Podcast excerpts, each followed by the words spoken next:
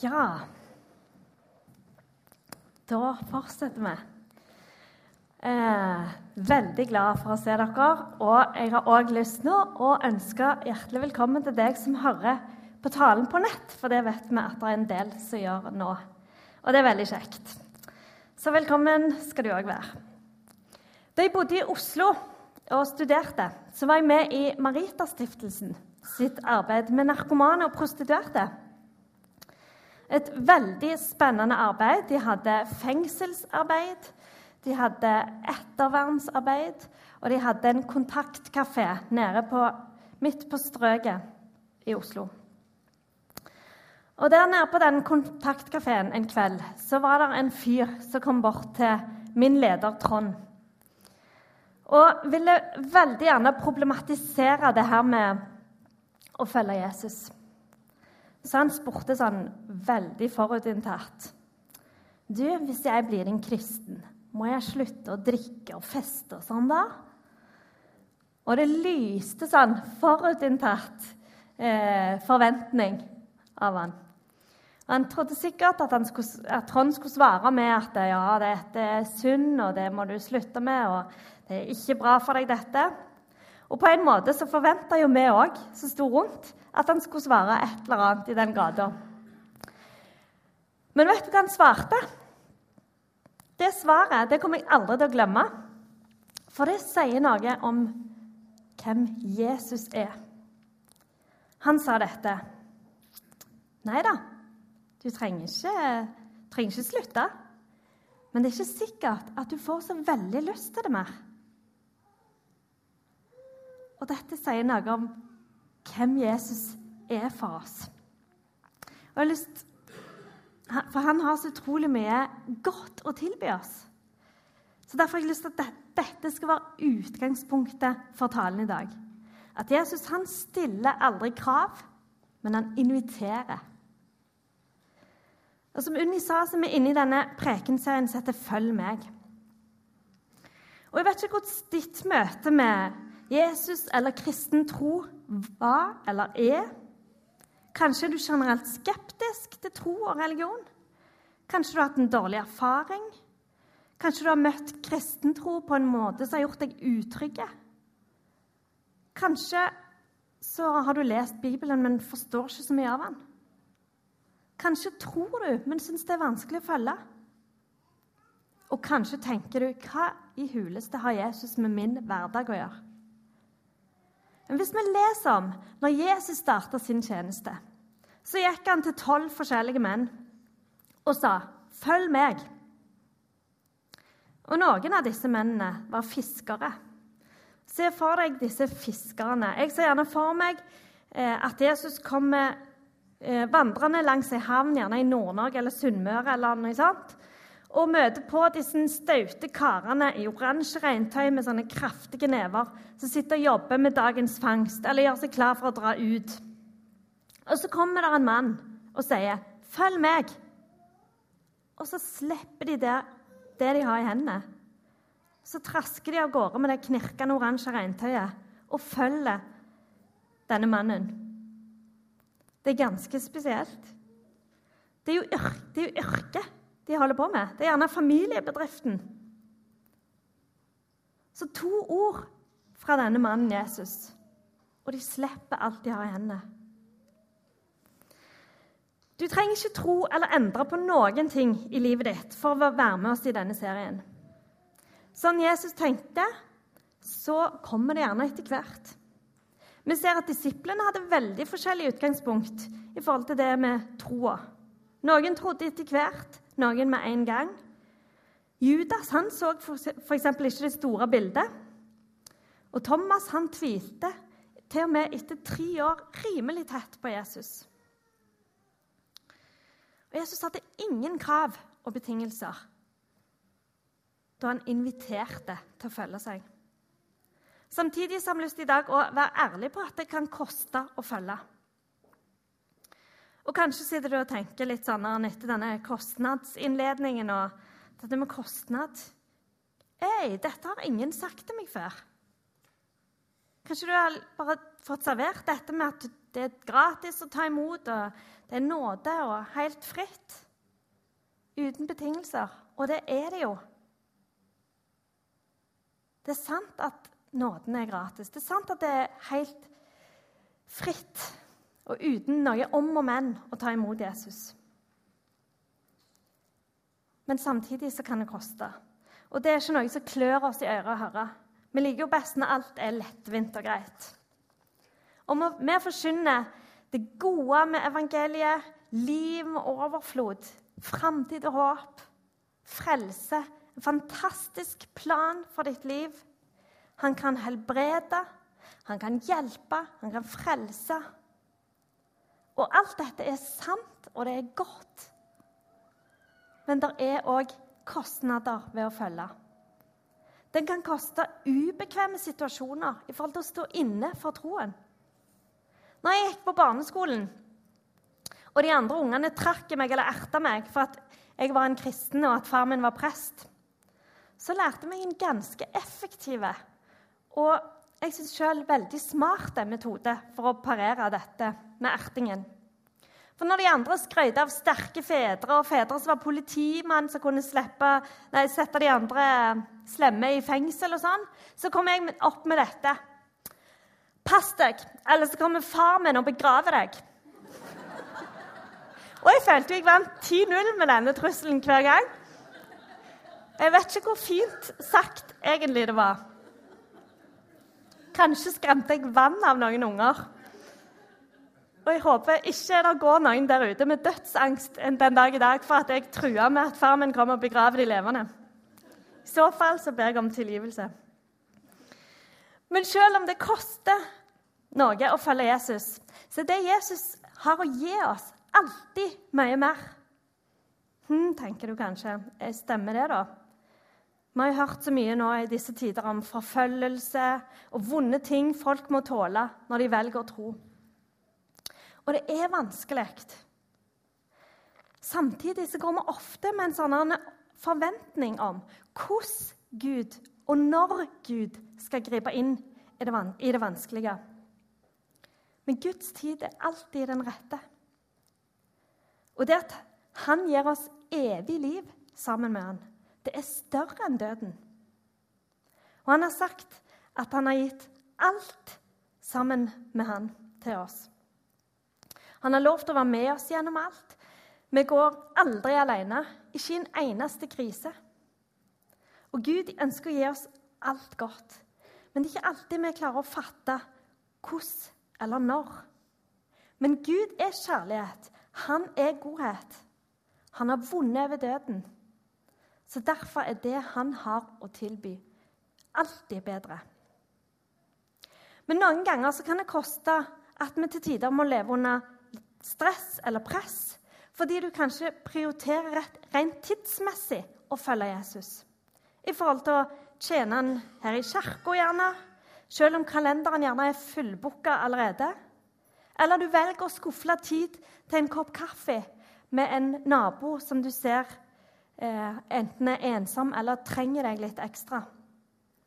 Og da kan det være at du må eh, eh skufle vekk tid til å trene, at ikke du kan gjøre det den dagen. Eller kanskje du må droppe shoppingturen til Kvadrat fordi naboen trenger deg der. Og Noen ganger kan vi oppleve urettferdighet. At vi må tåle urettferdighet uten å kunne gjøre noe med det. Kanskje vi må svelge noen store kameler for det vi har valgt å følge. Men når jeg gikk på ungdomsskolen, så hadde jeg ingen kristne venner. Jeg hang sammen med de tøffeste på skolen, de som brukte det de kom over av alkohol og andre rusmidler. Men jeg rørte aldri disse andre rusmidlene. Allikevel var jeg med på mye fest og tull. Og når jeg begynte på videregående skole, så møtte jeg noen som gikk i koret i det, denne kirka her. Og det miljøet der, det var helt nytt for meg. Men rimelig fort så kjente jeg at disse her i koret de hadde noe som ikke jeg hadde. Og jeg kjente hvor attraktivt det var, det de hadde. Jeg kjente hvordan jeg bare måtte ha tak i det som de hadde. Og det som jeg kjente på, det var denne levende relasjonen til Jesus. For før så hadde jeg en opplevelse av at jeg trodde på en sånn teori når jeg var kristen. Alt var tørt og kjedelig. Og begynte, men nå begynte jeg å oppleve masse spennende. En levende Gud som var interessert i meg. Lille meg, liksom. Og det gjorde noe sinnssykt godt med meg. Samtidig jeg kunne merke at det kosta. En dag jeg kom inn i klasserommet på Svithun, så så jeg at det lå invitasjoner på alle pultene utenom to. Og Det var min pult, og det var ei annen jente sin pult som ikke drakk. Og det var ikke mye hallelujastemning jeg følte på da. Det var skikkelig vondt. Jeg følte meg så ekskludert og så utenfor. Og Jeg sier ikke dette malen for hvordan det er eller skal være eller blir når man tar imot Jesus og følger han. Men av og til kan vi merke, enten følelsesmessig eller tidsmessig eller på andre områder, at det koster å følge. Og vi vet at folk opplever forfølgelse pga. troen. Men det Jesus har å gi, er mye mer. Og Jesus vil ha etterfølgere, ikke konsumenter. Fordi han har et liv å tilby som er det aller beste for oss. Derfor vil han ikke bare være en sånn drive-through der vi stikker innom kjapt og gale for å tilfredsstille sulten vår. Eller en colaautomat som du putter 20 kroner på når du har lyst. Nei, Gud skapte oss til en relasjon med Han. Og i en relasjon så er det kommunikasjon begge veier. Derfor så ønsker han ikke konsumenter som bare kommer for å få mer, eller bare kommer for å bli tilfredsstilt. Men han ønsker etterfølgere fordi han vil ha en relasjon med oss. Og denne relasjonen, i denne relasjonen sier han oss alt. Han sier, 'Alt mitt er ditt'. Men noen vil bare ha. Noen kommer til kirka som konsumenter og lurer på Nei, i dag fikk jeg ikke noe ut av det. Noen leser Bibelen som konsumenter og plukker bare gjerne ut det fine. Jeg hørte om ei som bare leste i Salmenes bok, for det fikk henne til å føle seg så godt. Og det er jo bra på mange måter, det. Men det blir som å switche kanal på TV. Vi, vi switcher over de kanalene vi ikke liker, og så holder vi oss på de kanalene som gir oss den godfølelsen. I Markus 8, 28-29 så spør Jesus disiplene hvem sier folk at jeg er. De svarte noen sier døperen Johannes, andre Elia og andre igjen en av profetene. Og dere, da? sier Jesus. Hvem sier dere at jeg er? Og Peter svarer, du er Messias. Jesus Kristus, hvem er han? Jeg hørte om en som kom til tro på Jesus som student, altså i godt voksen alder. Og Han trodde at Kristus var etternavnet til Jesus. Så han fatta ingenting. Hvor er det blitt av denne Kristus-familien? Er de dødd ut, eller hva skjedde med dem? Men Kristus betyr altså den salvede. Sier noe om hvem Jesus er. Jesus fortalte om hvordan han skulle lide og dø til disiplene sine, til vennene sine. Peter likte ikke dette. Og selvfølgelig likte han ikke dette. Hvem av oss hadde likt å fått høre at bestekompisen vår skulle lide og dø? Men Jesus sier til ham, 'Peter, du ser dette fra et menneskelig perspektiv, ikke fra Guds perspektiv.' For Jesus han ble født inn i denne verden for å fikse vår relasjon til Gud. Han kom med frelse, med tilgivelse, med frihet, med fred. Og vi kan ramse opp masse fine ord her. Og Jeg fikk nettopp en utfordring eh, av min teologilærer som jeg har lyst til å gi videre til dere. Som vi trenger, i hvert fall vi som tror allerede. Hva er det Jesus har gitt oss, som altså, han har gitt deg, som du er glad for, som du er takknemlig for? Hva er det konkret du sitter igjen med, som du har fått i troen? Som du er takknemlig for, som du er glad for? Jeg tror det er viktig å tenke gjennom dette. For jeg tror det gjør det lettere for oss å vite hva vi har fått, og hva vi skal få lov å dele videre. I Markus 8,34 så leser vi Den som vil følge etter meg, må fornekte seg selv, ta sitt kors opp og følge meg. Ta opp ditt kors og følg meg. Hva betyr dette? Det er ikke meningen at vi skal skaffe oss hver sitt tungt trekors og så gå rundt og slepe på. Men hva betyr det? Å ta opp sitt kors betyr å sette til side våre egoistiske ambisjoner og følge Jesus. Det handler om å legge vekk mitt for noe som er større, viktigere og bedre. Å følge Jesus og det oppdraget som han har gitt oss, nemlig å gi videre det vi har fått. Invitere mennesker inn i livene våre, sånn at de kan få den opplevelsen som jeg fikk når jeg begynte her i koret. At de har lyst på dette livet med Jesus. Og for mange av oss så er kostnaden kanskje da å gjøre mer ut av det vi allerede gjør. Altså det å ta opp korset sitt kan være det å gjøre mer ut av det vi allerede gjør. Når vi er på jobb, på fotballtrening, i nabolaget, og være fullt til stede. Se, snakk med, inviter mennesker inn i livet ditt. Vi skal se på to ting som har med denne kostnaden av å følge Jesus å gjøre. Først det som vi snakker om nå, med å ta opp ditt kors. Hvordan ser det ut i 2014, da? Jeg tror det handler om å ikke skamme oss over troen på Jesus. De fleste av oss har gjerne vært i situasjoner der vi har dyssa ned troa vår i møte med mennesker. Eller vi har lata som vi ikke kjenner noen kristne eller noen fra kirka. Eller eh, håpet at du ikke blir spurt om noe fordi du skammer deg. Eller ikke vet hva du skal svare når noen spør deg om dette med tro. Det koster å følge, men det går an å være en hemmelig beundrer eller en fan, som Frode snakket om forrige søndag. For en fan de trekker seg når det blir ukomfortabelt eller upopulært. Men samtidig så går de glipp av enormt mye da. I Markus 8, 35-36 leser vi den som vil berge livet, skal miste det. Men den som mister livet for min skyld og for evangeliets skyld, han skal berge det. Hva gagner det et menneske om det vinner hele verden, men taper sin sjel? Hva ligger det i dette? Å vinne hele verden, men tape sin sjel? Det er ikke sånn oppmuntrende ord, på en måte.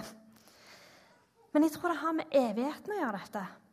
Hvis vi eier hele verden og har alt av goder vi bare kan tenke oss, så hjelper det dessverre ikke for sjela vår.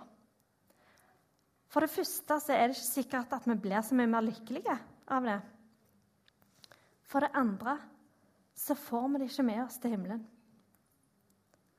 Så her er poenget. Når vi får ta imot Jesus, så gir han oss evig liv. Og det er det som redder sjela vår. Og ved å søke å leve det livet som Jesus har for oss, så handler det mer om å se og elske andre, og mindre om å samle til meg sjøl. Paulus, eller Saulus som han het før han møtte Jesus, som vi kan lese om i Bibelen, han var en godt opplært jøde. Han hadde studert Skriftene og var sett på som en som kunne veldig masse. Samtidig som han var veldig frykta av de kristne. For han forfulgte dem og gjorde grusomme ting for å rydde dem av veien, i sterk tro på at de sto i veien for Guds rike. Men en dag da han er på vei til Damaskus, så møter Jesus han. Og så gjør det at han mister synet en periode. Men så sier Jesus til han, til hvem og hvor han skal gå for å få synet tilbake igjen. Og gjennom dette møtet her så snur han totalt.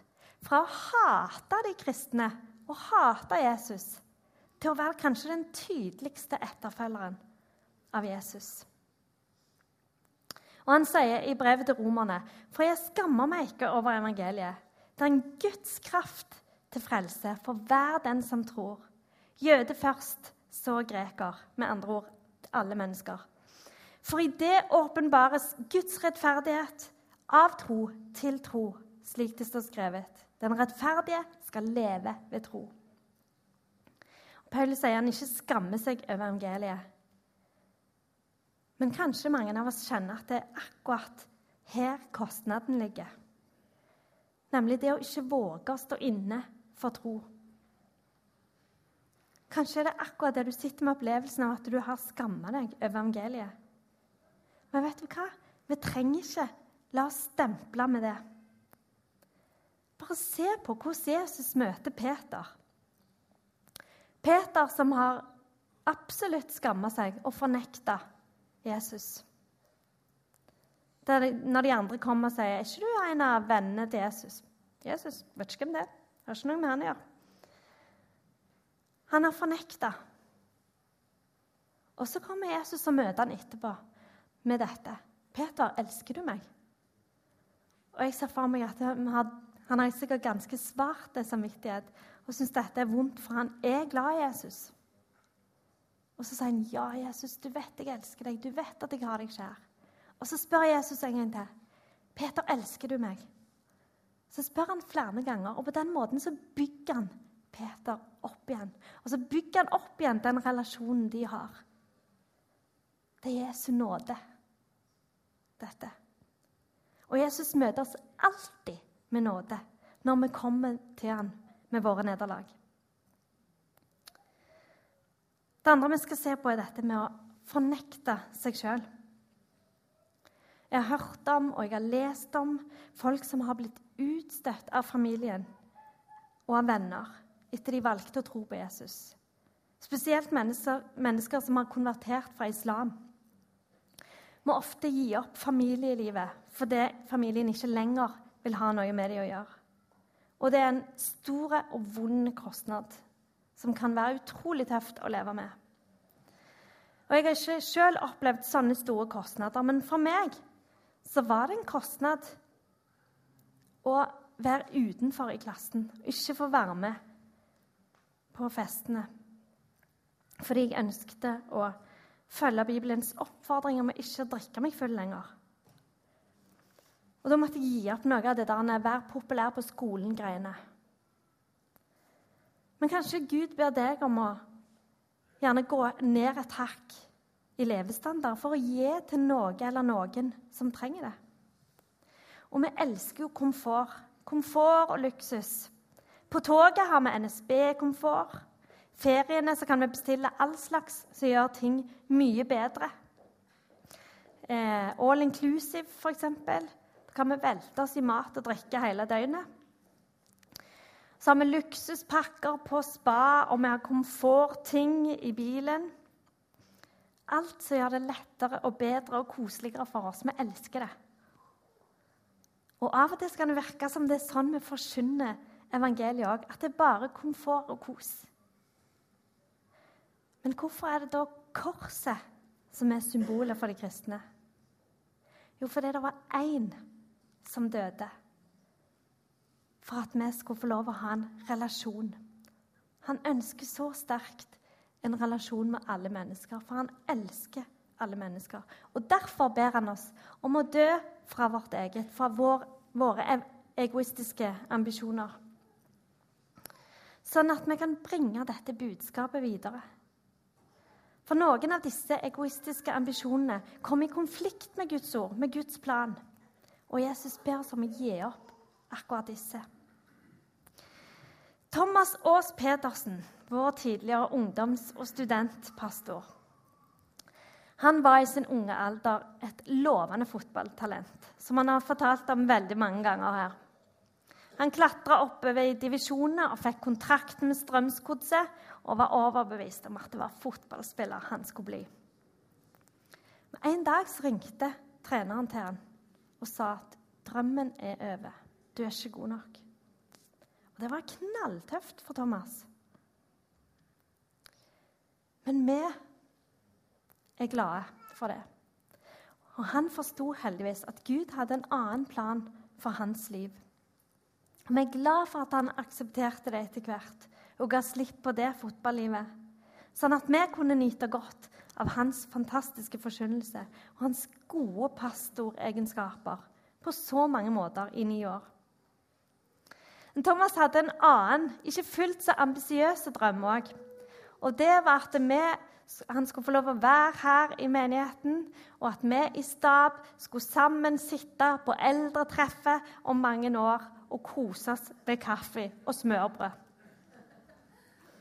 Og når han snakket om dette, så fikk han en sånn salig smil og dagdrømmende uttrykk. Men så var det han som skulle svikte først. Han opplevde rett før påske at Gud kalte han til å jobbe på Bryne. Så det koster å følge. Men selv om jeg ikke får gjerne får sitte på formiddagstreffet med Thomas, så vet jeg at de som får gjøre det, de kommer til å gangstre i magen. De kommer til å le så de ligger under bordet, for morsommere storyteller det finner du neppe. Men hva har vi i hendene som gjør at vi sier 'Jesus, jeg vil gjerne tro på deg, men ikke hvis det koster meg dette.'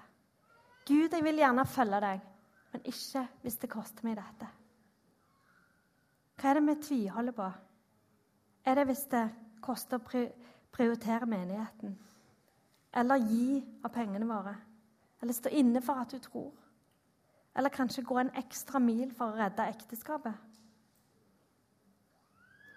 Hva er det vi tviholder på? Det var en misjonær som kom tilbake til storbyen etter han hadde vært ute i bushen i mange år, vekke fra all sivilisasjon. Og Han gikk rundt i storbyen en kveld og så utelivet, så fulle folk, festkledde folk, prostituerte som tilbød han sine tjenester, masse musikk og masse liv og alt det spennende som en storby har å tilby. Og alt dette rare som han ikke skjønte noen ting av. Når han kom tilbake på hotellrommet, så setter han seg ned og takker Gud for at han så ingenting den kvelden som han ønska mer enn Gud å få leve i den relasjonen med han. Det koster å følge, ja, men kostnaden av å ikke følge er større. Hva gagner det om du har og får alt, men mister sjelen din? Alt som denne verden kan tilby. Men når vi mister sjelen Vi får ikke med det til himmelen. Og dette som vi tviholder på, som vi ikke vil gi slipp på Hva er mer verd enn sjelen din? Hva holder deg tilbake? Kanskje det er livet du har levd, som gjør at du ikke føler du er god nok. Jeg vil si, Husk på hvordan Jesus møtte Peter. Med nåde, med kjærlighet. Jesus stiller ikke krav, han inviterer. I Salme 63 så sier David.: Din kjærlighet, Gud, er bedre enn livet i seg sjøl. Og David han var en hardt prøva mann på alle mulige områder. Jeg kommer ikke på én ting som ikke han har opplevd. Av utroskap og sørge for drap og rømme for å ikke bli drept sjøl. Han har virkelig prøvd livet.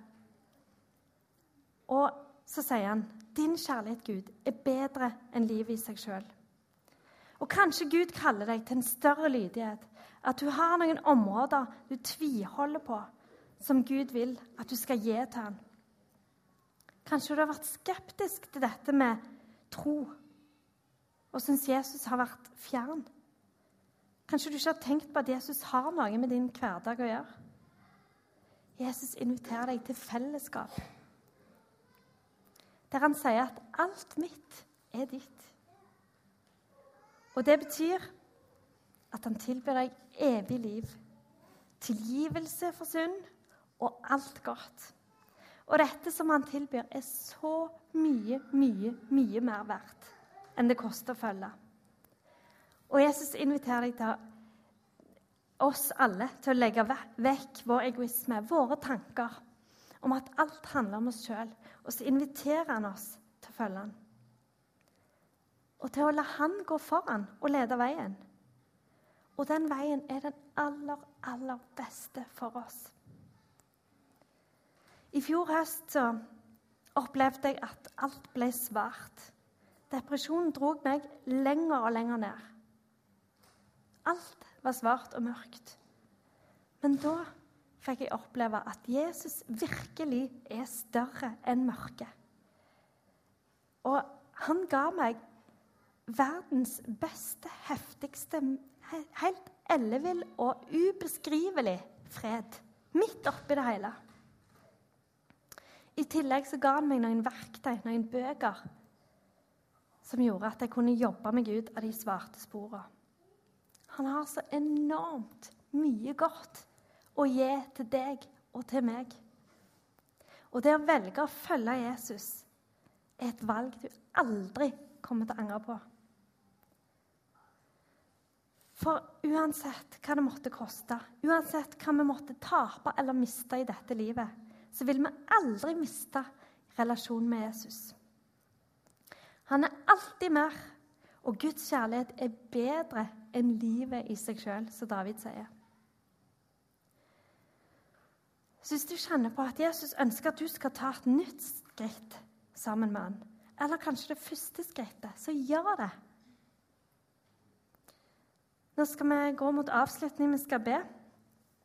Så kan vi lukke øynene, så kan du få lov å gi en respons til Jesus. Hvis du kjenner på det. Enten det er en konkret ting han minner deg på, eller det er å ta imot ham, eller gå et nytt skritt sammen med han. Det er så utrolig, utrolig, utrolig verdt det, skal vi be. Herre, jeg takker deg for at du, Jesus, kom til denne verden for at vi skulle ha liv. Takk for at du sier i ditt ord at du kom ikke til verden for å dømme verden, men for at verden skulle bli frelst ved deg. Du skulle redde oss, Herre. Du skulle gi oss det livet som du har sammen med deg. Med framtid og håp og alt godt, Herre. Takk for at du har gode tanker for hver og en her inne i dag. Og jeg ber om at du kommer og taler til oss. Herre, jeg ber om at invitasjonen din skal være tydelig, Herre.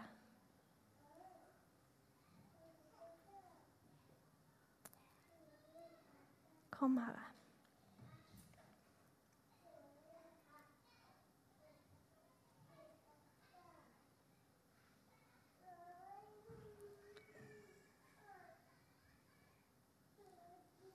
Amen.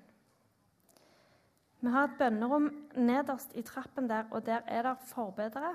Hvis du kjenner at du har lyst til å snakke med noen eller be med noen i dag, så gjør det.